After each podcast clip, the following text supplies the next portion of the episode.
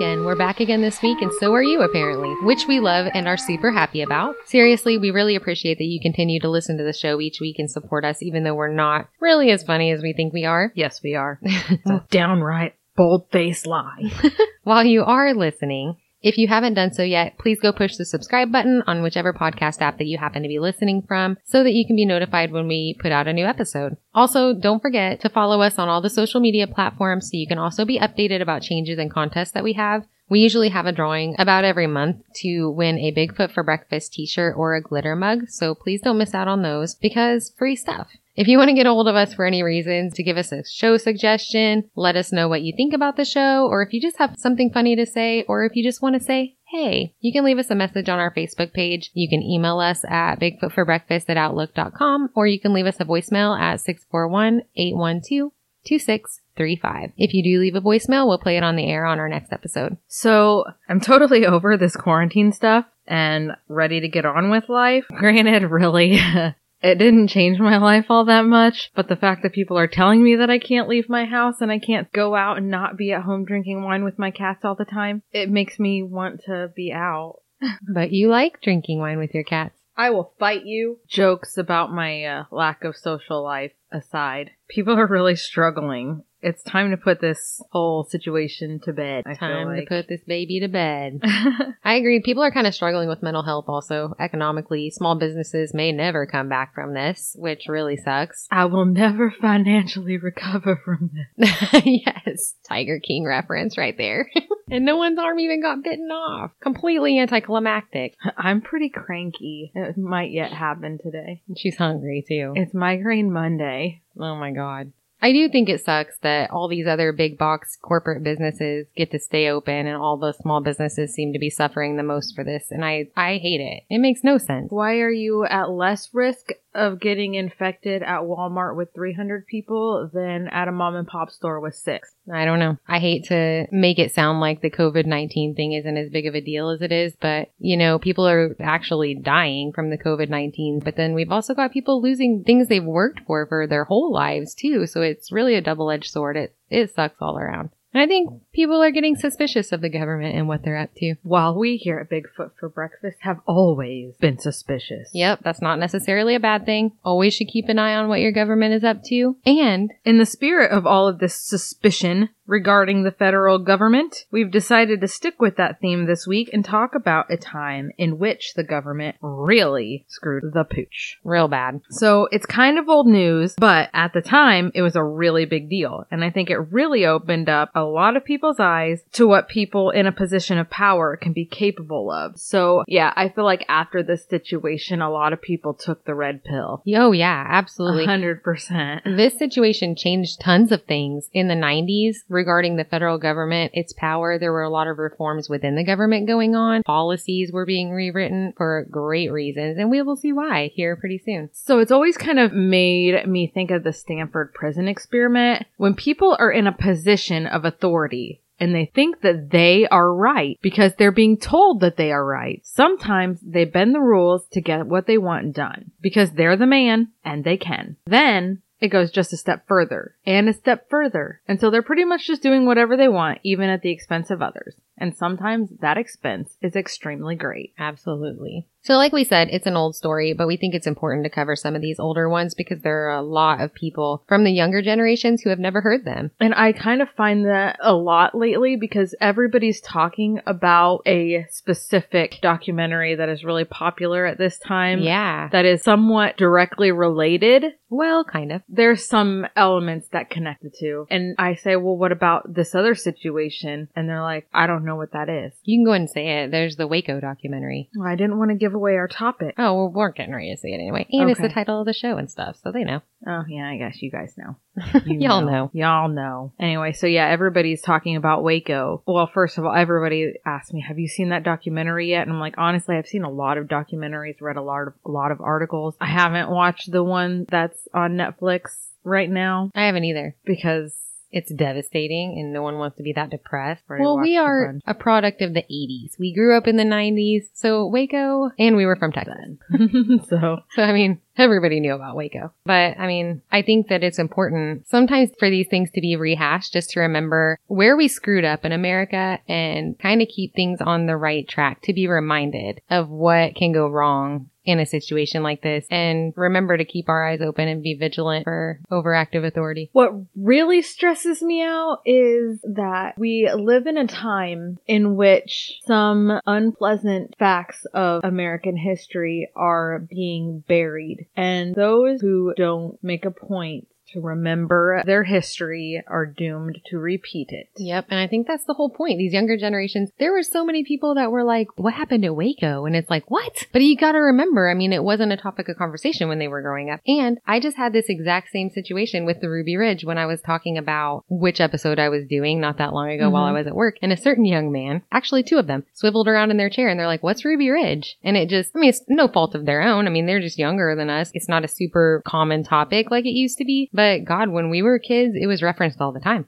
Anytime the federal government stepped out of line, they talked about Ruby Ridge. It brought it right back up. Well, and I feel like those little, little, quote unquote, because it's not a little situation, but they're not included in updated history books. Are they not? I don't even read up. I haven't read my daughter's history books, I guess. You know, I don't Yeah. remember learning about Ruby Ridge No. though when I was younger. I mean, it, granted, it happened in 1992, so it wasn't that old yet, I guess. But still, I don't remember us talking about it. It should be in what civics or modern American history or a government class or And maybe it is. I don't know. I I really, I hate, I hate talking about what they teach in school now because I honestly, with history, they say that they're they're not teaching accurate history or representing the bad parts like they should, but I really have no idea. let's go audit some high school history classes next year. What you doing? What are you talking about? What you doing in here? You tell the truth. you can't handle the truth. Maybe true. That's probably true. I don't know. I teach my daughter some pretty Me too. unfiltered, the unrated version Yeah. of a lot of history. We tell the real grim fairy tales. I have a history textbook from 1890. They'll tell you about the Trail of Tears. Right? So, like we said, it's an old story, but we think it's important to cover some of these older ones because there are a lot of people from the younger generations who have never heard of them. So, what's Ruby Ridge, you ask? Well, folks, for those of you who have already heard it, it will be a good refresher. We know it was for us. For those who haven't, you're in for a terrible treat. So the whole event centers around one family, more so one guy. It all seems to begin and end with Randall Claude Weaver, better known as Randy. Now, I wait. The more I got into the whole story, I will say it was Randy and Vicky equally. I'm not, I don't want to put the whole thing on Randy because as you'll see as we go through, I think she was just as much of an influence in this whole thing as he was. Randy was born one of four siblings right here in good old Iowa, raised in Villisca. If you remember, we also did an episode on the Villisca axe murders. You should check that out. It's weird. It's a small world. It really is a small world. His parents were really religious people from the get go, but they kind of hopped around from church to church in his early years, trying to find one that suited them. In 1970, Randy was a private in the U.S. Army assigned to the United States Special Forces Unit at Fort Bragg and was writing letters to a girl back home in small town Iowa named Vicki Jordison. They were a romantic, spontaneous, domestic, happy couple. Randy scored a job with John Deere after he was honorably discharged from the Army, and the two were married by 1971. And at that point, Randy enrolled in college at the University of Northern Iowa where he studied criminal justice. Because ironically, he wanted to become an FBI agent. That really didn't work out because now that he was married and starting a family, he couldn't afford college. So he dropped out. The couple moved to Cedar Falls, Iowa, and Randy worked there at a John Deere factory in town. Five years into their happy marriage, a little girl was born and they named her Sarah. Sarah, these days, all grown up, she did an interview with PBS for the American Experience. And looking back at this time in her childhood and growing up, she says, quote, I remember hot Iowa summers and cold Iowa winters winters and grandma and grandpa's farm. Things began to slowly change in a new direction after Vicky read a book called The Late Great Planet Earth by Hal Lindsey. You know, that's a really famous book. I had heard of it, but I had ne- I've never read that book. Why this influenced her so? The book talked about interpretations of the Old Testament, of the Bible, and how they apply to current events leading up to the end of times. A lot of the book predicted that Armageddon was coming and that the persecution of Christians would be imminent during the Great Tribulation and that the true believers would be spared and saved. This book influenced Vicky tremendously and she began hanging out in libraries, reading more books of this nature, finding comfort and insight in books like Atlas Shrugged by Ayn Rand and other prophetic things of this nature. If you've never read Atlas Shrugged, I definitely recommend. Vicky and Randy were seriously right-leaning conservative people to begin with, and their views really only got much stronger from here. We're not really sure what came first, the chicken or the egg, did Vicky's already existing views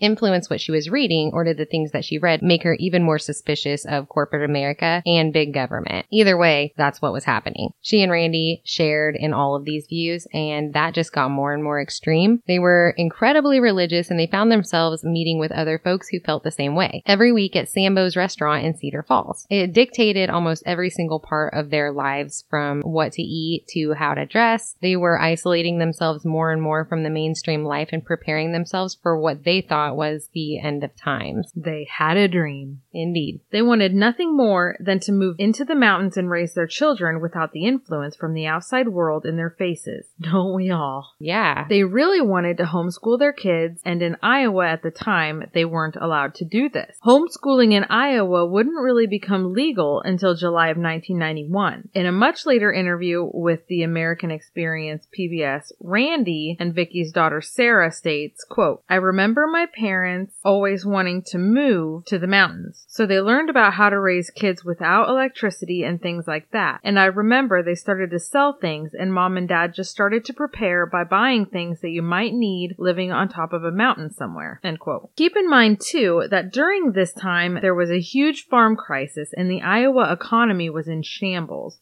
Gas was high, interest was crazy high, ag prices were low, and family farms were going under constantly. Iowa was really going through a hard time, and keep in mind that Randy worked for John Deere, which is a company who manufactures farm implements for anyone who isn't familiar.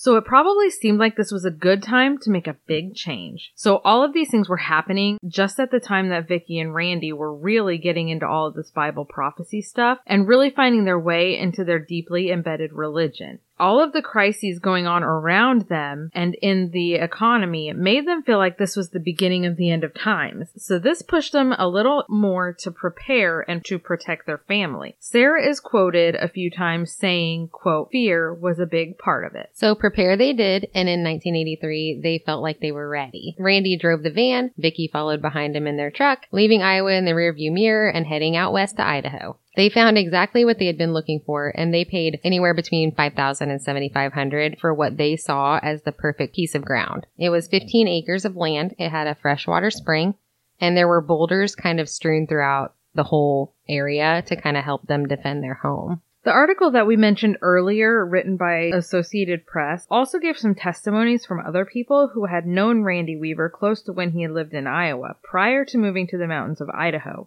They did say that he seemed paranoid and very, very, very distrustful of pretty much any form of government. He was buying large amounts of ammunition and would tell people that he felt it was necessary to be able to defend themselves against the federal, state, or local authorities. Randy felt that he would eventually be involved in some sort of confrontation against authorities and that he had even planned to set up a 300 yard kill zone around his home in order to defend it. You know, do what you gotta do. You know. Now, all of this sounds pretty extreme, yes. But I also have to point out that although these people were quoting some of the more extremist type of things that he was saying, they also said that he never seemed to be talking about an offensive confrontation in which he would be the aggressor. He just seemed to think that they would be coming for him at some point to encroach on his rights up there and wanted to be able to protect his family. So there's that. Seems somewhat prophetic. Just because you're paranoid doesn't mean they're not after you. Yeah. Up until this next piece of information, I can actually relate to the Weavers in a lot of ways. I can't tell you how long I have been trying to talk my husband into moving to the mountains and living in a camper and living off the land. And he says no because there's no internet. So I get oh. it. I'm definitely not a radical Christian type, but the idea of moving my family away into the quiet mountains, away from in your face technology and the endless distraction of societal norms and opinions sounds absolutely wonderful. Living off of the land, taking things a little slower, raising your kids to work hard for themselves, appreciate what they have, and to just be who they are without all of that other influence, I get it.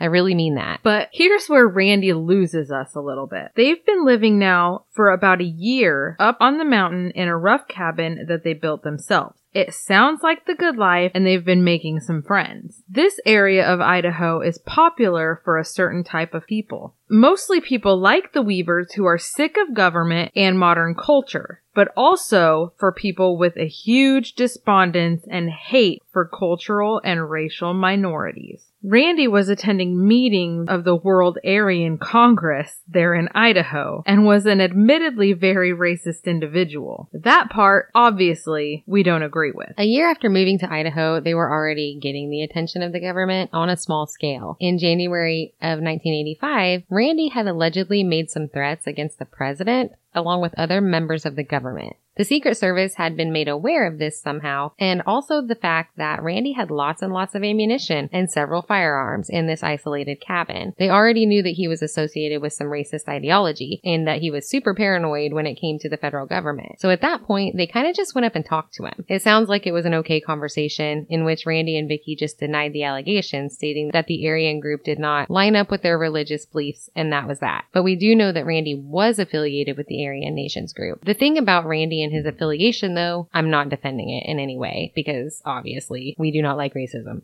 But he never did actually join the group either. I think that their religious views did get in the way of that. They didn't completely agree with everything that the Aryan nations did on the religion side. But I think that a lot of their ideology did align in the way that they were living their religion. There was a lot of talk against Jewish people for the most part. I don't know about any other race, but I know that their religion, the new Jewish people, basically weren't real and that they were really involved in the government and they had kind of taken over the federal government and that's why they weren't supportive of the Jewish government. They mm-hmm. called it the Zionist government, I think is what they called it. So some of the views aligned with them, but then some not so much. We're just trying to paint the picture of his character, I guess. But also, if you think about living isolated up there in that area, whether they completely aligned with the group or not, it probably made them feel better to know that they weren't alone. And that like their surrounding neighbors kind of would protect each other. So you don't want to be making enemies with everybody else up there either. In February of 1985, only one month after this inquisition from the Secret Service, Randy and Vicky actually went to the county clerk to file an affidavit against the federal government. The affidavit from the Weavers gave, quote, legal and official notice that they believe that they may have to defend themselves from a physical attack on their lives by the FBI. I never really could figure out what that was about, whether it was out of fear from being questioned by the Secret Service about their actions and lifestyle, or if there were some other reasons for the affidavit. We're just really not sure. So before we get into the whole story of Randy's affiliation with the radical group, we just want to reiterate that while we do not share in or agree with this type of thinking, we have to present Randy Weaver in a fair and accurate light. We realize that the racial tension has been kind of a hot topic in the past couple of years, and while at times we may seem to disagree with him, there may be times in which it seems that we stick up for him. And that's because during our research, we've come to find that he actually seems like a pretty complicated guy, and we want to portray him in all aspects the best that we can so that you can get a good understanding of the whole story as it was. Just remember, we're stating the facts as we understand them in order to paint a picture. The whole story is full of situations that are difficult to remain unbiased towards, so forgive us if we seem to lean one way or another here. We'll try to keep it under control to an extent. But that's the thing. I mean, you don't have to agree with his affiliations or ideologies to disagree with what happened to him. That's what I'm kind of trying to get at. Yeah, I agree with that. Yeah. So there's an article by the Associated Press in which they state that a close friend of Randy's named Von Truman of Evansdale, Iowa would eventually say of Randy that he really didn't seem to be someone who had racist views until after he moved to the mountains. They stated that he talked of the end of the world, but not of bigoted beliefs. The whole thing was about to go very, very badly, and it kind of was almost a perfect storm that brought about the eventual conclusion. The fact that Randy was attending these meetings ended up being a pretty big deal because it got him noticed. Before Randy was ever introduced to this radical racist group, they were already under investigation. A smaller group called the Order had splintered off from the main Aryan Nations group and they ended up causing a whole bunch of trouble. Bank robberies, murders, bombing a synagogue, counterfeiting money, anything else you could think of to further their narrow-minded agenda. Now, it's one thing to convene. That's fine. You can have whatever views you want. You can hate whoever you want. You can feel however you want about someone else, even if it's for no reason. That's the beauty of America. You're free to do all of that. It's your right. You can even speak out against people and things that you don't like, even if other people don't like it. But when you start bombing stuff and murdering Jewish talk show hosts and just being hateful in general, you're crossing an obvious line. These are actions of hate, and for obvious reasons, you aren't allowed to do that. And if you want to get the attention of the government, a person would be on the right track with actions like this. So, like we said earlier, there's the regular neo Nazi group there in Idaho. They don't seem to be taking any real action. They're having meetings. They live in their community of like minded people and they meet up here and there to talk about whatever it is that neo Nazi groups talk about. But this other group who calls themselves the Order splintered off and are now a racist terrorist group because there's no other better terminology. But since they were associated with the original group, it's probably kind of tough as far as the federal government goes to tell what's really going on up there in this remote area. The FBI and ATF were honing in on the neo Nazi groups as a whole there in northern Idaho. And since Randy Weaver has been attending a few of these meetings, he's getting himself all entangled with them. So at this point, from what we can understand, Randy Weaver is basically a doomsday prepper and a white separatist. White separatism is defined as, quote, a form of white supremacy that emphasizes the idea that white people should exist separately from all non-white races, whether by establishing an all-white community somewhere or removing non-whites from their midst. And by removing, mean like moving yourself away from it, not assassinating them. That's supposedly the deal. They're not really trying to take action against people. They're just trying to go away from them and live on their own in their own way. So they don't like something and they separate themselves from it. It's hard to agree with their outlook, but I guess I can respect the fact that they're simply separating themselves from whatever it is that they don't like out in the mountains as long as they aren't actually bothering or harming others. You do you. And that's kind of what we teach our kids, you know? You don't like something, just ignore it. Don't be around it. If you don't like somebody, don't go by them. I'm not sure that that would be my solution if my child came up and said, I hate an entire race of people. No, but No. the thing is, is like, that's the kind of same, Yeah. you know, same thinking. Yeah. It's like, well, I mean, I don't really think that's very cool, but Yeah. you do you. It's better than the alternative. It's better than a lot of other crap. It's better than spouting hate all over the world like a lot of people do. Yeah. So, with the exception of the smaller group who splintered off, it's said in many interviews that while Randy Weaver did associate himself with this crowd of people and did seem to share in their beliefs, other aspects of his religion did prevent him from ever actually joining the Aryan Nation. This Aryan Nations group that Randy had become affiliated with held an annual conference, and they called it the Aryan World Congress. Randy was there in 1986 at the conference, and he briefly met a guy named Gus Magisano. Gus had been there for most of the day, and he was just kind of scoping things out. Meeting various people, getting an idea of what this group was all about. He spent the day secretly writing down license plates from the cars of attendees, jotting down notes and key points from the various speakers as well, and the names of the people that he was introduced to. That's weird, right? Well, not really, because Gus Magisano's real name was Kenneth Fadeley, and Fadeley was an informant for the Bureau of Alcohol, Tobacco, and Firearm who made just the right friends to get him an invitation to the conference that weekend, which worked out famously since the federal government was already keenly interested in the goings on up in the hills of northern Idaho. Fadeley was actually hanging around with another guy within the organization and throughout 1986, He had multiple run-ins with Randy Weaver, not yet becoming friends with him, but they had at the very least become familiar acquaintances. At the next Aryan World Congress in 1987, Fadeley once again bumped into Randy, and Randy seemed happy to see him, greeting him warmly. That day, he was able to spend more time with Randy, getting to know him a little bit better, and over the next three years or so, they got to be buddies. Unbeknownst to Randy, he invited the ATF informant to his home in July of 1989 in order to discuss forming a militia group to fight what he called the Zionist organized government which is just the United States government. At some point after this, Fadeley, knowing that the Weavers were suffering financially, offered Randy something that he couldn't refuse. Randy was broke and having a lot of trouble supporting his family up there in the mountains. Fadeley was telling Randy that he knew how he could make some money. He said that if Randy would hook him up with two illegally sawed off shotguns, he had a buyer for them. Three months later, around October of 1989, that's just what he did. He sawed off those shotguns and sold them to the ATF informant. I just feel like it's entrapment. You're baiting somebody who's desperately in financial need. and they trusted you and it's just it's such a double-edged sword because you're going to have people that say well bottom line he did something illegal i get it and i just want to throw in there too that supposedly these shotguns were sawed off illegally by an eighth of an inch so a lot of people were saying that it looked like he tried to saw them off to the legal amount but it was like literally the saw blade difference that he missed his mark by one eighth of an inch. So they got him on it. And that was the end of it. I mean, they just did. And it would have honestly, and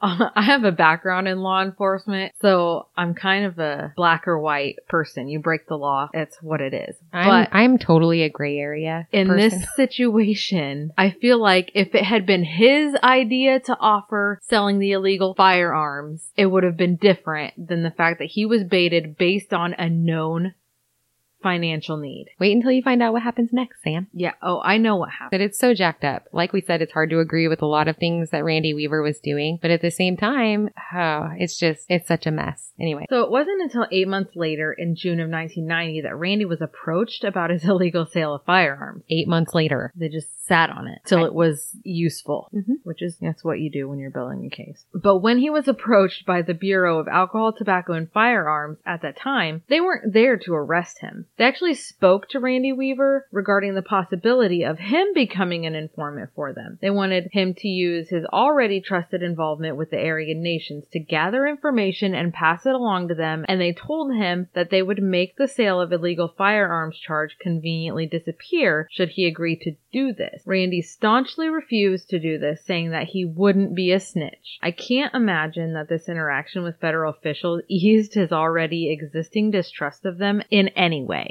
Now, we do believe in personal accountability, but we felt that we had to mention that Randy felt that the gun charge was entrapment because it plays a big part later on in the story. So that was that. A warrant would be issued for the arrest of Randy Weaver, but for whatever reason, the ATF agents who were already present that day had made the determination that it would be too dangerous that day to arrest him at his home. So they left without messing with it, wanting to catch him off guard in a better situation. The ATF agents made a plan, and then six months later, in January of 1991, they parked a car on his road, put the hood up, and pretended to be stranded motorists. And at that point, they sat there and waited for Randy to come by. Now, we're not really sure if they knew that he would be going by. They had been watching him, so they might have known his actions and his schedule. If not, I can only guess that they just kind of put themselves in his path of travel should he leave his home. Not really sure how they worked that out, but Randy and Vicky Weaver did go by and they did stop to help. Of course, at that point, they told Randy that he was under arrest for the illegal sale of firearms, to which he replied, Nice trick. You'll never do that again.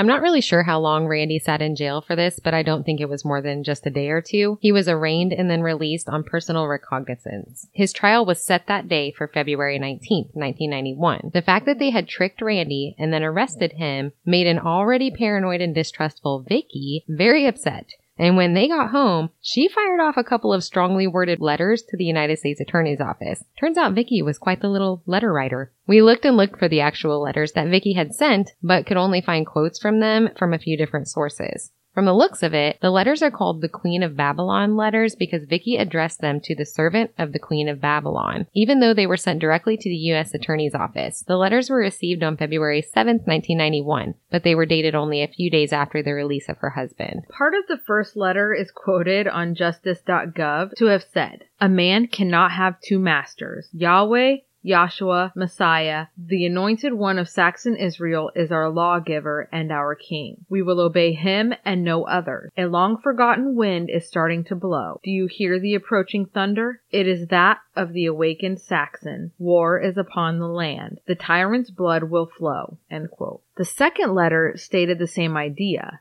Yahshua, the Messiah of Saxon Israel, is our advocate and our judge. The stink of your lawless government has reached heaven, the abode of Yahweh our Yahshua. Whether we live or whether we die, we will not bow to your evil commandments. So there's that. These people already had a negative view of the government, obviously, and at that point, they had basically felt that Randy had been entrapped by them when an informant led him to sell an unregistered firearm. Now, these other officers are telling Randy that the only way out of it is to do what they want and help them out, or he's going to prison for the crime that they led him to commit. He had always felt like the government worked against people unconstitutionally, and this provided him a great example of that. And to be fair, Also, while he was in prison, they were kind of still trying to talk him into it, and they were telling him things that, or while he was in jail, I guess, not prison. They were still trying to mm-hmm. talk him into that, and they were telling him things like that they could take his land. So they were making him really nervous about what they could take from him. And he'd been working really hard. You know, they saved up the money to get this land. They built their house and were living the way they wanted to. And now they're threatening to just take whatever he had there. So, I mean, you can imagine a person like this was taking that pretty personally. the U.S. Attorney's Office found some of the language in the letters to be somewhat threatening. The whole tyrant's blood will flow thing. Yeah, yeah. Whether we live, whether we die. So they sent him off to the United States Marshal in Boise, asking them to perform a threat assessment. We have officially assessed that this is, in fact, a threat. Indeed. In the meantime, remember that Randy Weaver had court for the gun charges on February 19th. That was the date that they told him on that day. But the court date had actually been changed from the 19th to February 20th. That's all fine. It happens. But when the letter was sent to Randy to let him know of the change in court date, the letter erroneously stated that his court date was actually March 20th, not February 20th. Once the attorney's office figured out their error, Supposedly, the lawyer appointed to Randy tried to contact him by leaving messages for him via telephone. Keep in mind, Randy didn't have a telephone. There was some sort of community message phone. I don't know, is what I understand. And they sent him letters. He never got a response. They went ahead with the trial on February 20th, which he would have no idea that there was a trial on February 20th. And of course, Randy didn't show up. By the court documents for this instance, it doesn't sound like they knew whether or not Randy had received the messages regarding the change in trial date or if he had contacted pretrial services, but they went ahead and issued a bench warrant for his arrest at this time. Apparently, they later found out that someone else by the name of Bill Girder had been picking up the Weaver's mail for about three weeks as of this time.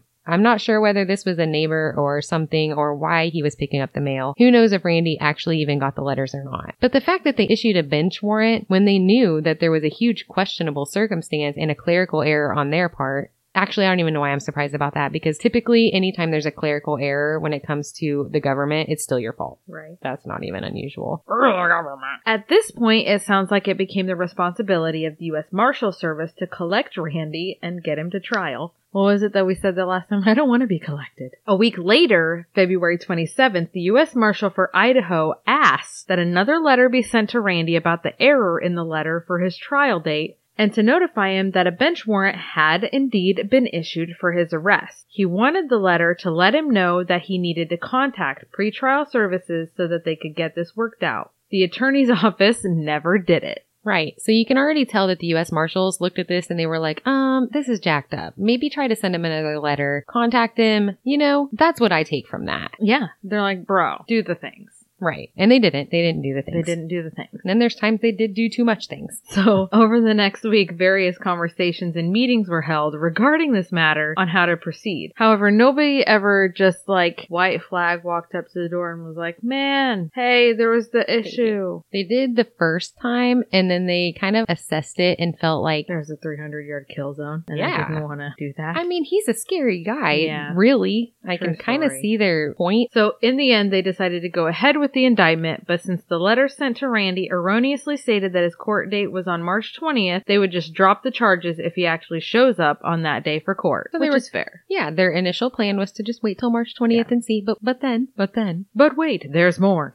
So even though they had discussed this, they went ahead and sent the indictment through to a grand jury for the weapons charge and failure to appear, which to us makes no sense, especially since they didn't even yet know whether or not the huge clerical error that gave Randy the wrong court date was the reason that he didn't show up. And the court date that Randy had been given had not yet even come for them to know whether he would show up or not. Also, when the indictment information was sent to the grand jury, they just decided not to include the whole clerical error thing. Yeah. Let's leave out the part where we fucked up. Like, I'm just at a loss.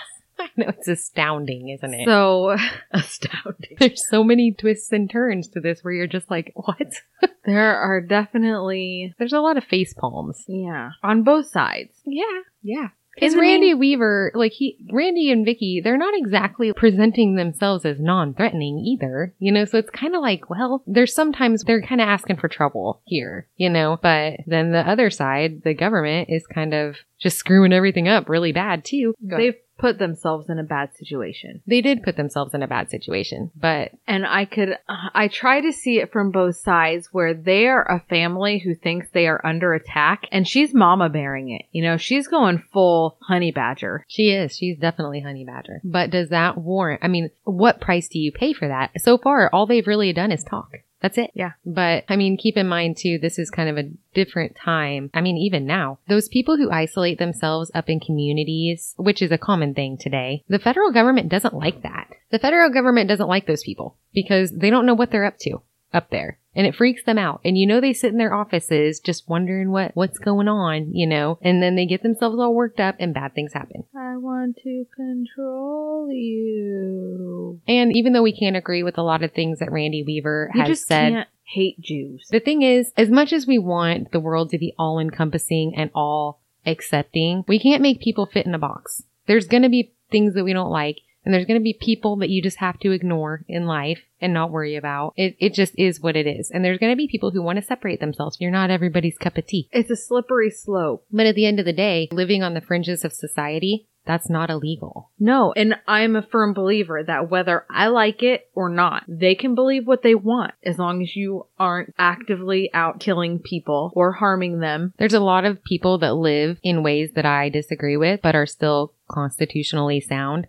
And I believe so much in the Constitution and our rights and not letting any of our rights be infringed upon as much as we can by the federal government. Because once you take that step, you can't go back Or by private citizens. by anybody. So, I mean, you just gotta let sleeping dogs lie sometimes. Let them be who they are. Let them do what they do. If you want to live your life in hate in the mountains, Do it. do it. A lot of people don't agree with the way I live my life. That's true. I just like cats. Jeez. A lot of cats.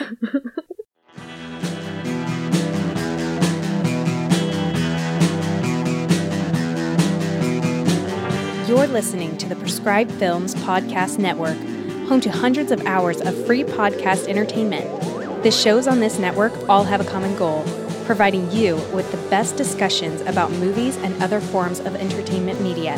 The PFPN hopes to fill your earholes with audio joy. Visit our website with links to all the other amazing shows at www.thepfpn.com. Thanks for listening.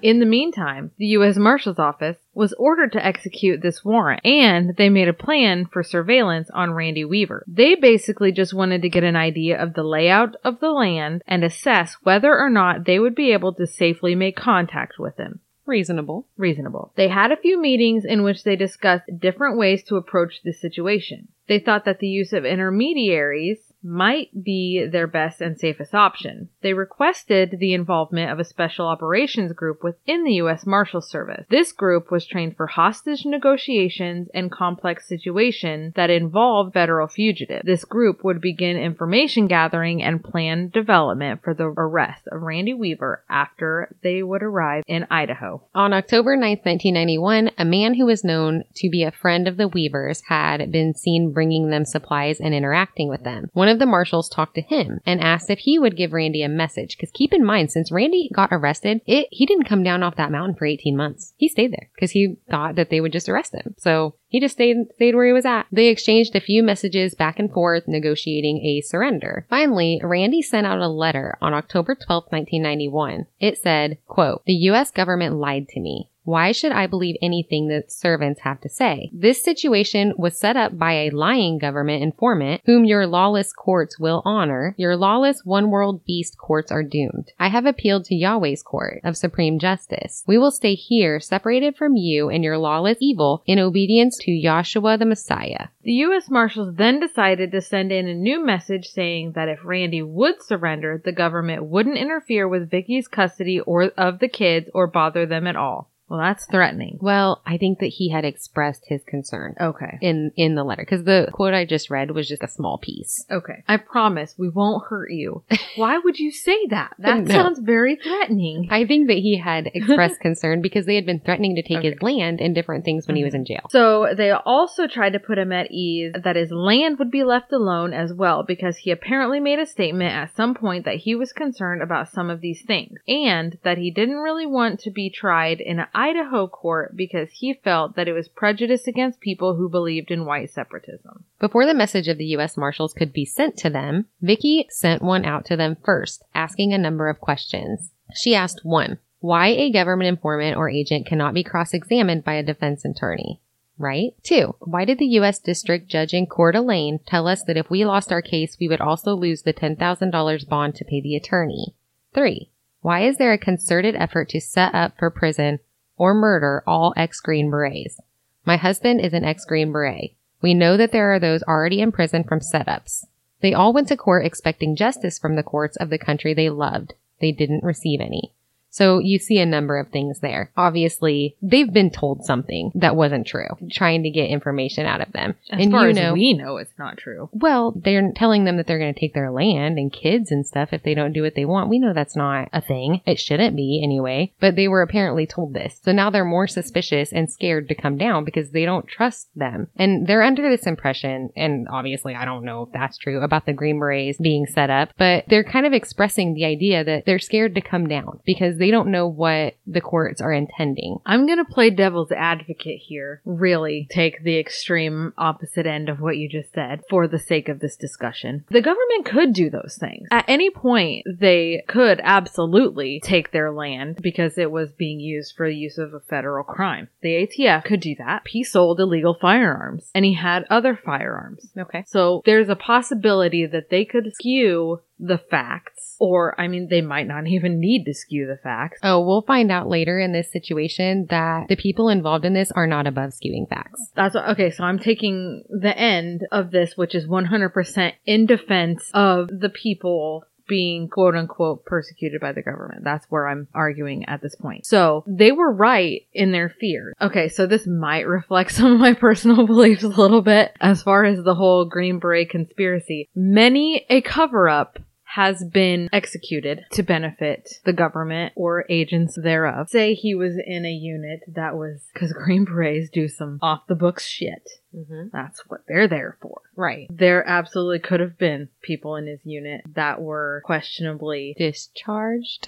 not dis no, I meant like, like- arrested. Yeah, like Disappeared. yeah, or arrested as in quote unquote neutralized Mm-hmm. For any unknown reason to us. Okay. you know. So she's not being completely unreasonable in this situation. No. I know that there are a lot of people out there who aren't big on conspiracy, but that is not us. And I would say that those people just aren't well researched. I'll say it. No, that's fine. Mm-hmm. Okay. dig, dig deeper. Okay, I want to offer all perspectives, all possibilities. I don't want anything to be dismissed in this story from one extreme view to the other and gray areas in between. I Yeah, I totally agree. I totally agree. Okay. And I think it deserves that. I think that there are things that one side did right and the other side did right, things that both sides did wrong. So, I mean, we've got to include reasonable perspective here. and unreasonable perspective. And even if it is unreasonable perspective, it's what they felt. They Exactly. they felt this way and they were scared. So I kind of see they kind of thought, well, if we just stay here, they can't take take it. We worked hard for this. We saved our money for it. We built this place. This is our place and they're not taking it from us. I'd stay the hell up there too. They aren't taking my mountain. Stay off my mountain. So anyway, she's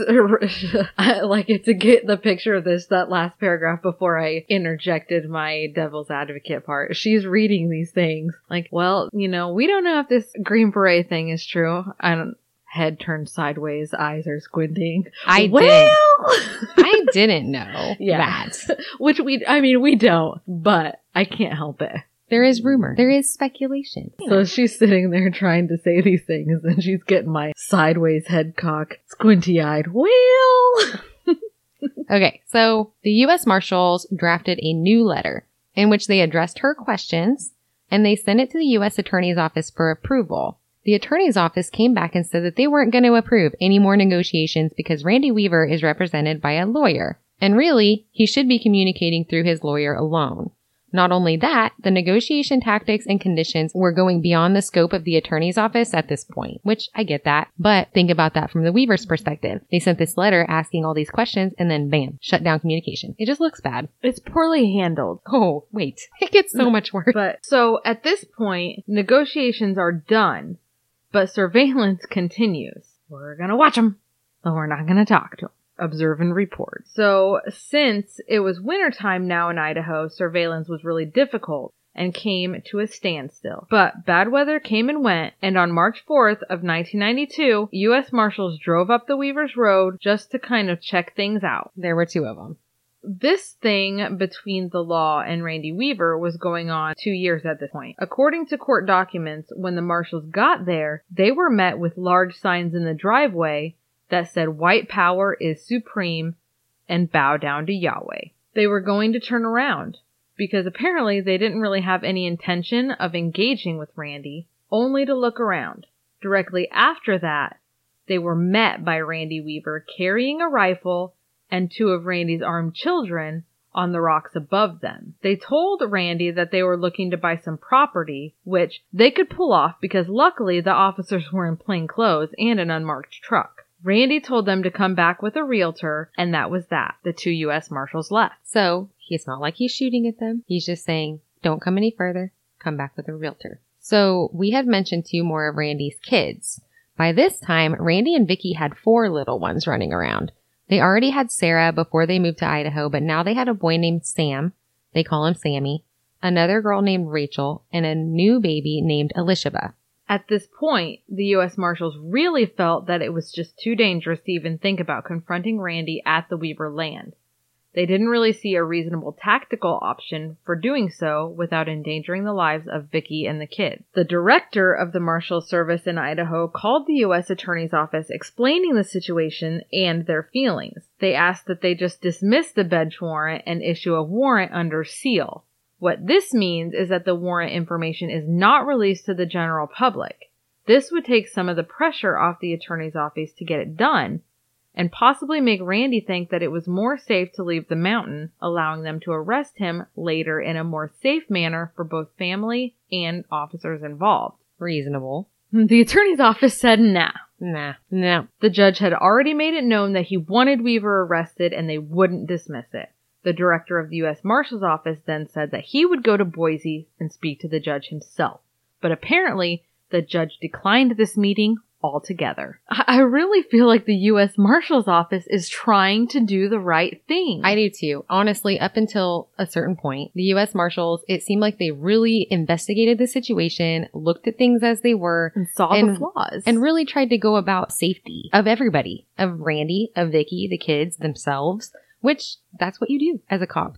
So they were trying to appeal to everyone and say, this isn't right. We shouldn't be doing this. This is a bad idea. All of this for a bench warrant, you know? And this is where you see the difference in approach and in practice for the people who are wearing suit and ties sitting in an office for the attorney's office and the people who are actually on the front lines doing the hard work. And also, the judge doing that makes me feel like it was more of just a personal situation. He had publicly made it known that we're going to get Randy Weaver, you know, up on that mountain.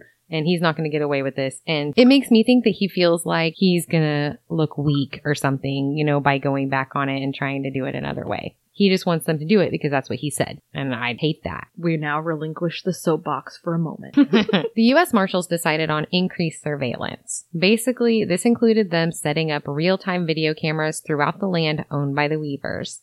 Most of the time, moving around in the dark around their home and throughout the trees, observing the Weavers' responses to certain noises around the property that put them on high alert during which the Weaver children would often run to the tops of certain rock formations with their guns. More trips to the Weaver compound under the cover of darkness were warranted when the camera batteries proved insufficient and had to be replaced with solar panels. Periodically, the cameras would stop operating and when the marshals would go check it out, they would find that it had been stolen. Okay, question before we go any further. I was wondering about this. Is it even legal for the marshals to, even with a warrant, can they go on their property and like put up cameras and sneak around? the federal government can do some shady shit. I would think that they would have to have a warrant for every separate time that they came on to the property. And they might have. But I don't know exactly how that works for them on an ongoing investigation. I don't know. I don't either. The already paranoid Weaver family is dealing with people running around on their land, Eagle 6 going dark, in the dark, and setting up cameras throughout their property. I'm sure that didn't settle their paranoia at all. Keep in mind also that at this point, the only thing that Randy Weaver had actually done illegally was selling two one eighth of an inch, too short sawed off shotguns, and he had been in jail and released and still hadn't actually made it to the point of his. I don't know now. We don't know if, if it's March It's 20th past- yet. it's- Okay. Yeah. But so he didn't show up for that court date. Okay. But So who anyway. knows? I mean, he may have still been thinking February 19th. We didn't Yeah. know if he went on February 19th and no one was there. Yeah. You know what I mean? I don't know. I, I have my suspicions that Randy Weaver probably did not intend not to go go, to court. I don't know. That's just totally my judging from Randy Weaver. From what I can surmise. That's right. I don't think he wanted to, I don't think he was going. Probably not. But anyway, so yeah, the only thing that he had done is sell those illegal firearms. Two questionably illegal firearms. And didn't show up for court. So at what extent, like to what extent do you go to make that arrest? And the not showing up for court thing is like, eh. so that's it. The other things that he was doing and involved in were merely questionable, but 100% within his rights.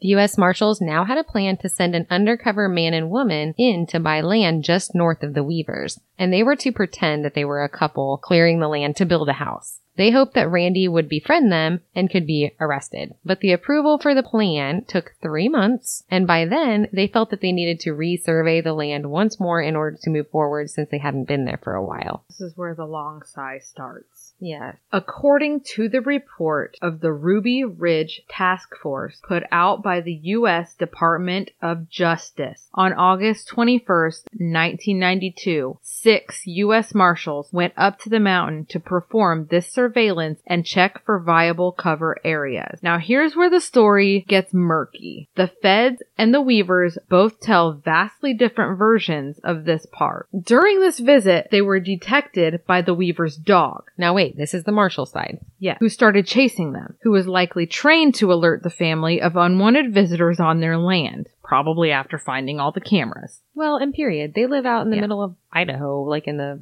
in the freaking wilderness. The six men retreated with the dog closely behind, and behind the dog was 13 year old Sammy Weaver, Randy, and a friend of the Weavers named Kevin Harris. Randy encountered the marshals first, and when he did, they announced themselves, at which time Randy turned and ran the other way. The dog then caught up to the marshals, and supposedly, from the standpoint of the marshals, one of the deputies kept the dog at bay with a gun, but did not shoot the dog because they were afraid of provoking the family. But two of the deputies stood to identify themselves. These were Deputy Cooper and Deputy Degan. The marshals state that when they did this, Kevin Harris turned and fired at them with a 30-06 rifle, hitting and killing the the 42 year old Deputy Marshal William Degan. Deputy Cooper returned fire at Kevin Harris, missing him, and then turned to focus his weapon on Sammy Weaver, but he didn't pull the trigger. Another marshal named Deputy Roderick was a little farther down the path, and about the time he heard these shots, he saw the dog go running by in the direction that Randy Weaver ran. But when the shots went off, the dog alerted toward him. He went ahead and shot the dog so that it wouldn't alert Randy Weaver in his direction. Well, Randy might not have seen this happen, but 13 year old Sammy did, and he got really upset. Sammy turned and fired a shot with his rifle at Deputy Roderick. Deputy Cooper heard the shot and rose to fire three cover shots, trying to get to Deputy Degan, who he said was yelling for help. After he fired these shots, he says that he saw Sammy Weaver running up the hill toward his cabin after his father. Okay, so that's the Marshall story about the fired shot. But, like we said, Kevin Harris and Randy Weaver tell a very different tale. According to them, they were hunting in the woods that day, and Sammy Weaver's dog, Striker, alerted. They chased after him thinking that they were pursuing a large animal, when suddenly the dog was shot, and that this was the first shot fired. In fast response to the shooting of his dog and not knowing who was shooting, Sammy got upset, yelling, You shot my dog, you son of a bitch! And he fired the shot back in the direction of Deputy Roderick. They stated that Deputy Degan and Deputy Roderick then fired back at Sammy and had not identified themselves, so they still didn't even know that they were marshals. Sammy was still running from the gunfire, so at this point, Kevin Harris stated that he fired back at them in order to defend Sammy. He was trying to stop the shooting from the marshals in order to give Sammy enough time to get away. So he was kind of just providing cover, Cover, fire yeah. to get Sammy enough time. So there are two different sides to this story, obviously. One group says that the other shot first and vice versa. One of the marshals was also a medic and he tried to resuscitate Deputy Degan unsuccessfully. Not long after the Weavers' retreat, they heard another succession of gunfire followed directly by a bunch of screaming and crying. At this point, two of the marshals went back to town to look for help while the others stayed because they, one, didn't want to leave Deputy Degan behind, and two, didn't know where the Weavers were, so they were worried that they would be shot at if they left. For the record, the Weavers did not return to shoot them at any point after this. So I'm going to go ahead here too and offer my biased opinion. I completely 100% feel like the Weavers story is more believable. Me too. I feel like the dog was going to give away cover. This was Sammy's dog. He was raised with the dog. I mean, they're an isolated family. That dog was everything. It was his best friend. And some guy that he didn't know yet stood up out of the woods and shot it. And he reacted in an emotional response of a 13 year old boy.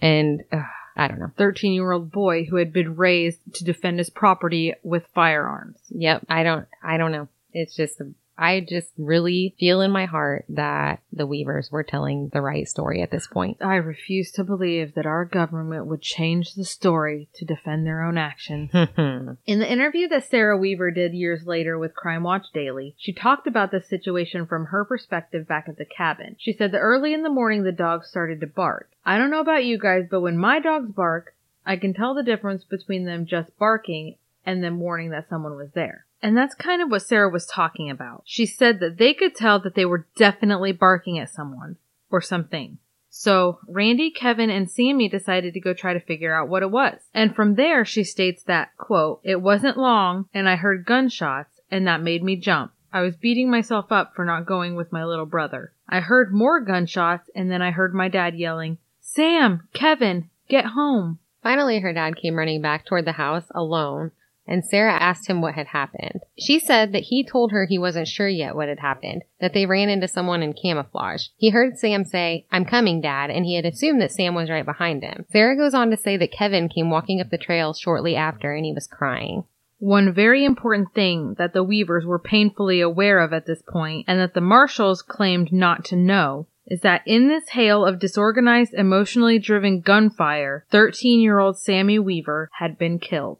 In the interview with Sarah Weaver, she remembered that they had brought 13 year old Sam up to the shed outside of their home. They cleaned him up and wrapped him in a sheet. He had been shot in the back. The U.S. Marshal's Office got word of the gunfight and the stranded officers on the mountain and immediately requested assistance from the FBI's hostage rescue team. The scene was immediately secured by them, and after dark that night, the stranded marshals were rescued by the Idaho State Police. No additional gunfire was received from the Weavers upon rescue either. Until the FBI would arrive, the local police and the marshals set up posts and guarded the access road. It wasn't long before a crowd of townspeople and friends of the Weavers were gathered at the road wondering what had happened there. Before the FBI arrived as well, they were briefed on the Weaver's background and the situation. Based on this, the commander of the hostage rescue team and the FBI associate director took it upon themselves to create a special set of rules of engagement for the situation. And these rules included 1. If any adult male is observed with a weapon prior to the announcement, deadly force can and should be employed if the shot can be taken without endangering any children.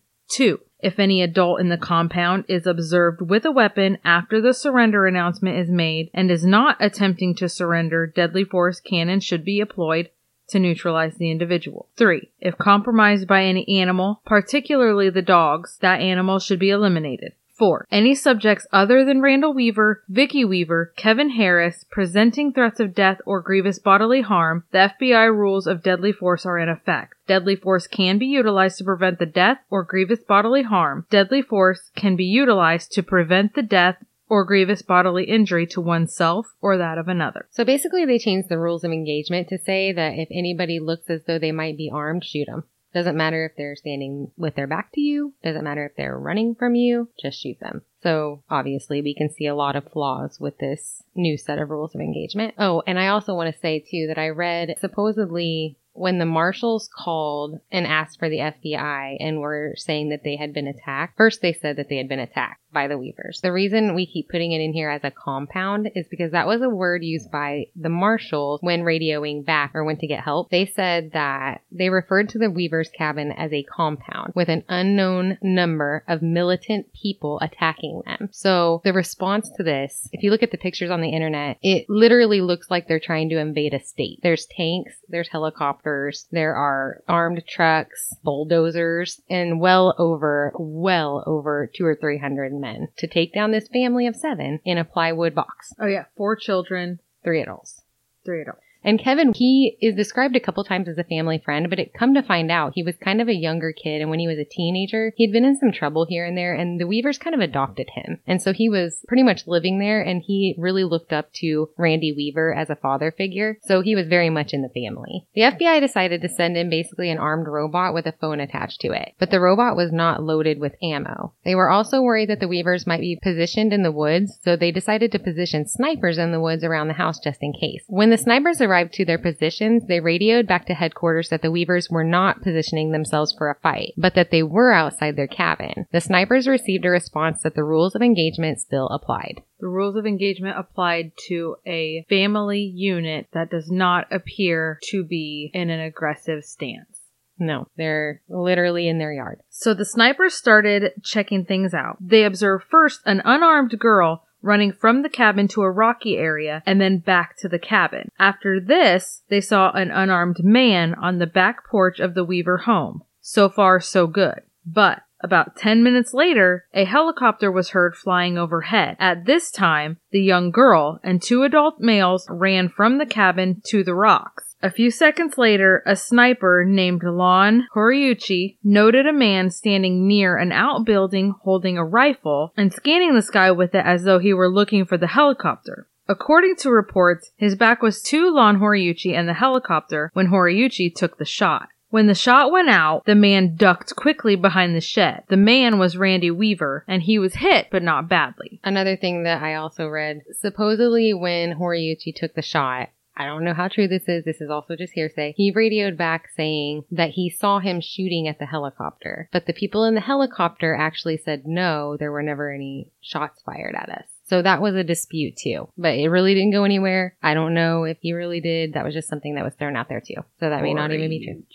What was the other guy's name that we kept saying that we hated? I don't remember. What was his name? Doty. Yeah, Richard Doty. Richard Doty. I forgot about Doty. now, the story is told here from the perspective of the Weavers as well. Keep in mind that the feds say at this time they don't know that Sammy is dead. This outbuilding that Randy was walking out to from the house was called the birthing shed. They called it that because this is where Vicki Weaver had birthed her children. It was kind of a chicken house looking shed, but it was insulated on the inside and it had a made up bed inside. So this was also where guests would stay when they came to visit the Weavers. So when they carried Sammy's body back to the house, they put him in this bed. So according to the Weavers, Randy was going out to the shed to see his son one last time. So at this point, the Weavers are thinking that they were chasing their dog earlier today and were ambushed by feds in the woods on their land. So that's their perspective. So just from all of the things that we described going up to that point, we know that the marshals were already super nervous about being in the woods on Randy Weaver's property. They had tried to get the judge to go about it in a different way, and he said no. They already weren't very kicked about it, and when they realized that the Weavers had seen them, I'm sure it was kind of an oh shit moment. And when the Weavers saw that the feds were unexpectedly popping out from the brush cover, I think that the whole situation, the way that it happened, just surprised everyone, and nobody was really thinking rationally. So people died for no reason. But from the perspective of the Weavers, they were ambushed. The Marshals killed their son, and now hours and hours have passed with seemingly no activity, and they've got someone trying to pick them off from a mountaintop while they stand in their yard and care for their son and are still figuring things out. So, I mean, looking at what they're seeing here, I'm sure it's really scary. They don't really know for sure what's going on, how many people are out there, what they're doing, if they plan to just kill them. After about 10 seconds, Horiuchi saw his earlier target again, along with the young girl and Kevin Harris running for the cabin. As they ran into the house trying to escape, Horiuchi pulled the trigger again, firing two shots in quick succession, taking a shot through an open door just in front of Kevin Harris as he ran through. The first shot missed Harris. The second shot hit him in the arm.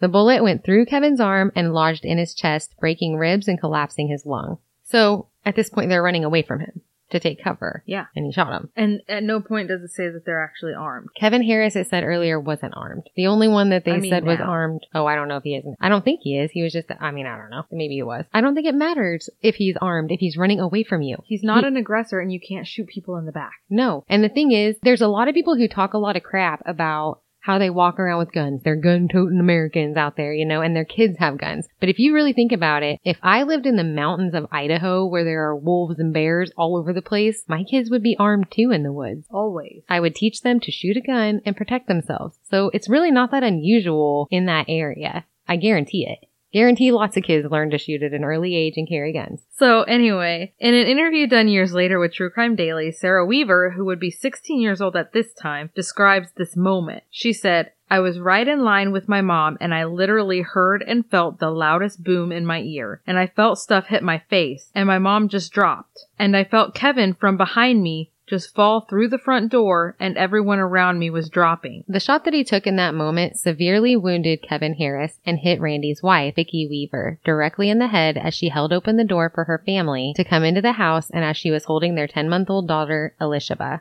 She dropped to the floor immediately, dead, right there in front of her husband and her children. Elishaba dropped to the floor as well, covered in her mother's blood. In later testimony in the Ruby Ridge trials, FBI sniper Lon Horiuchi would be called to testify regarding this. In his cross-examination, he stated that he was shooting at Kevin Harris and did not see Vicki Weaver standing behind the door. He also stated that after he fired that last shot, he could hear a woman screaming for approximately 30 solid seconds. We know that Vicki was immediately gone, so we can only assume that the screams that he heard were those of Vicki Weaver's 16-year-old daughter, Sarah. The weather was getting bad and it was getting dark, so this was the end of day two. And you just know that Horiuchi is just a piece of shit. Well, here's the thing about that. Lon Horiuchi is a highly decorated military sniper, and then he went to the FBI. He's a good shot. And I know that number one, you don't shoot through an open door where you can't see what's behind your target. And there's so much controversy about this, but in, I don't believe that he didn't see Vicki Weaver. 100%. And a lot of people speculate that Vicki Weaver was a big part of Randy Weaver's mentality. She was kind of the aggressor when it came to wanting to move to Idaho, homeschool her children, that it was the end of the world. So they were kind of a team. They really fed off of each other. So there were a lot of statements made that maybe he took out Vicki Weaver on purpose because supposedly it was thought that Vicki Weaver would be the one that wouldn't go down and wouldn't surrender. And that Randy Weaver would be actually the easier one to get to do that. So, And you said- know that if they would have killed her husband and she was still standing, they would have had to fight in a court and justify their behavior, and they couldn't. They couldn't. So, like we said, that's an unproven thing. Actually, we will get into that in part two. A lot more detail of that whole situation with Lon Horiuchi and the shooting of Vicki Weaver also. There's a lot more to this story than what we're going to get into today. I feel like we should also make a point that we are totally and 100% most of the time pro law enforcement as long as things are done by the book and the right way. And even if they're not done by the book, you can tell when things are done with the best intentions. We're not pro just random killing people. No, mistakes are made. Mistakes can be made. I get it. And sometimes these high stress situations, things go badly, but there are sometimes when your gut just tells you that this is messed up. And I feel that. So the next morning, an FBI negotiator worked to make surrender announcements to the Weavers, what's left of them, telling them that the outbuildings would be removed if surrender didn't happen soon. They got no response. So the FBI went in and removed the first outbuilding. This is when they say that the body of Sammy Weaver was discovered by them and they were now aware of the boy's death.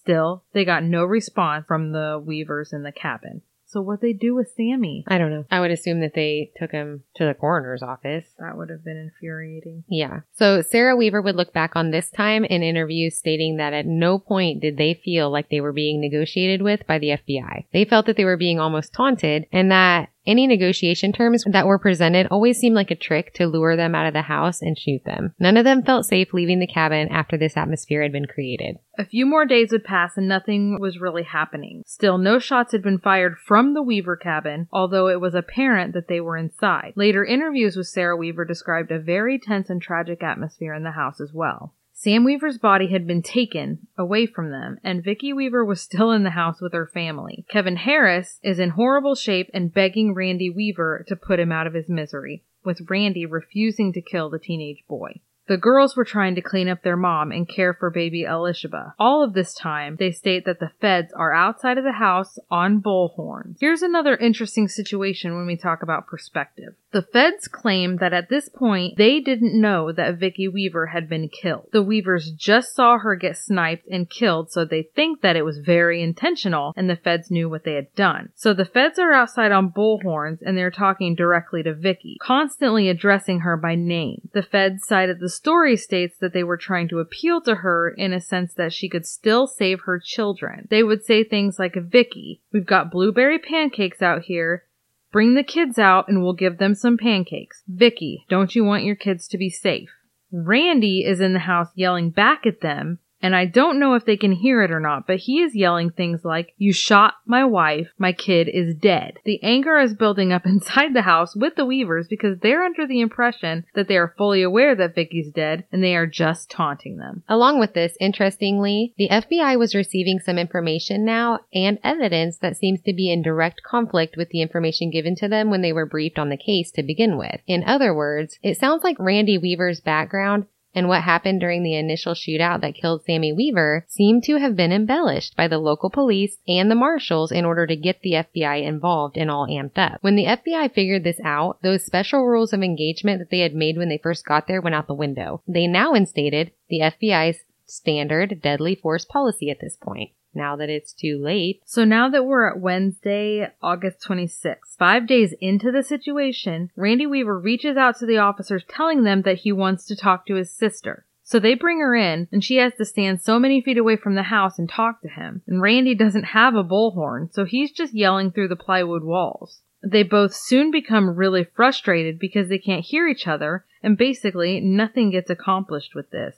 The feds go ahead and take her away back to the road. On Friday, August 28th, seven days into the situation, Randy asked to speak with a Republican politician named Bo Gritz, and he was able to do this. Bo Gritz was a former Green Beret like Randy, and he remembered Randy from the Special Forces days. He was also a very controversial third party presidential candidate at the time, and officials drove Bo Gritz up to Randy's cabin in a tank. While they were talking, Randy told Bo that unprovoked, the officers had killed both his son and his wife as well as wounding him and Kevin. That's why Randy was afraid to send anyone out. According to him, he wasn't really sure that the rest of his family wouldn't just be shot based on his perspective of what had already happened. Bo seemed to be really getting somewhere with Randy. It really does seem like he understood where Randy was coming from and sincerely was appealing to him. He was kind of telling Randy at this point that he has a really good case for what happened and that he could still come out of this whole thing on top with the rest of his family intact. He also told Randy that if Kevin Harris sits in that house any longer and he dies, that Randy's whole defense here could go out the window because there won't be any evidence that he didn't hold Kevin Harris in that cabin against his will. Gritz seemed like he was afraid that the feds would use that to make it look like a hostage situation and that Randy Weaver confining Kevin in the cabin would be the cause of his death because Randy knew that Kevin needed medical help to save his life. And it's been days and days since he was shot. Bo also told Randy that if Kevin sat in that house for any longer and he did die, that he would also testify against him in court. So he needed to let him out. He Mhm. needed to talk him into going to the hospital. So Bill Gritz, he sounded like a pretty reasonable guy. Randy seemed to believe Gritz and he appreciated his advice. Kevin Harris was still not ready to surrender himself, but that day, Randy did let Bo Gritz and a family friend take Vicki's body out of the house, asking them to carry her nicely and not let her body touch the ground. Later that day, in a local Idaho newspaper out of Naples, Bo Gritz is quoted as saying, I think this will be over tomorrow. Randy wants to come down off of his mountain with what's left of his family. The article also made note of the huge mob of angry protesters that had been at the roadblock to the cabin every single day throughout the standoff, screaming at officials for what they were doing. They were holding up signs saying things like, this has to stop, or secede Idaho from Fed Nation, and who's next. By the end of the standoff, there were over hundreds of state and federal officers on the scene with rows of army tents, helicopters, tanks, army trucks, etc. Kevin Harris surrendered two days later on August 30th. The Weavers finally emerged from the cabin the day after that, on Monday, August 31st. Randy Weaver walked out hand in hand with his remaining children, Sarah, Rachel, and Elishaba. Both Kevin Harris and Randy Weaver were placed under arrest and they were both charged with the murder of Deputy Marshal William Degan, as well as the original firearms charge that started the whole thing. And that's it for today. That's what we got for part one. Please join us next week for part two in our exploration into what happened at Ruby Ridge because there is a whole lot more to it, folks. This week we kind of went through the events as we knew them, but a lot of interesting things came to light during the trials and the many investigations into the incident that followed. As usual, don't forget to push the subscribe button on whichever podcast platform you listen from, and please don't forget to leave us a rating and a review. It really helps out the show, and we truly appreciate each and every one of them. If you want to contact us for any reason, once again, you can do so via Facebook. You can email us at bigfootforbreakfast at outlook.com, or you can give us a call and leave a message at 641-812-2635, and we'll play it on the air next episode. So we have a couple of contest winners this week, don't we? We do. That we do. So who are they, Samantha? Spin the wheel. The wheel of winning, as you describe it. So while Sam's getting the wheel figured out here, we do want to say thank you to everyone who participated in our latest contest and recommended the show. We really appreciate it and love the interaction. I want to point out too that a couple of listeners put some photos on our Facebook page of them standing by the Mothman statue in Point Pleasant, Virginia. So that's pretty cool and thank you for that, Lisa and Ashley. Okay, Sam, spin the wheel. Wheel of winning.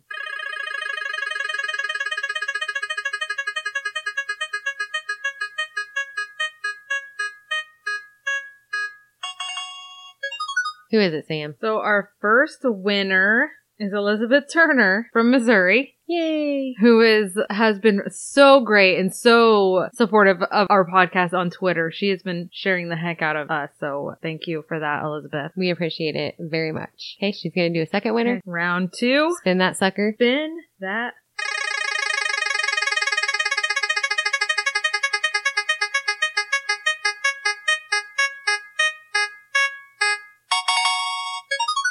Who is it, Sam? And our second winner is Kim Jones. Woo! Kim Jones. Doo, doo, doo, doo. Also another supportive member of the Bigfoot Squad. the Bigfoot Squad. Who knows?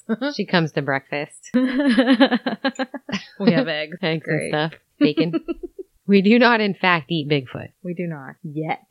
All right. So congratulations, Elizabeth Turner, Kim Jones. We'll be in contact with you guys probably on Facebook or Twitter. We need to find out whether you guys want a t-shirt or if you want a Bigfoot for breakfast glitter coffee cup. So you can let us know. We'll get them mailed out to y'all. The t-shirts are Super soft. super soft Bella canvas. Oh, we love them. Yeah, they're super soft. Awesome. If that helps sway you in any way, but also the coffee cups keep your coffee hot for a very long time. And they're all glittery, so they're kind of phenomenal. And if you put ice stuff in them, it keeps it cold for a very long time as well. Yeah, both sides of the fence there. Right? all kinds of positives. it keeps stuff hot and cold. For a long time. All right. Well, we're out for this week. Please tune in again, Ruby Ridge, part two next week. I know it seems like we're done with the story, but I promise you, you won't regret it. There is a lot more. And you'll be appalled. You will be so appalled if you're not already. Jaws will drop. Bye. Bye.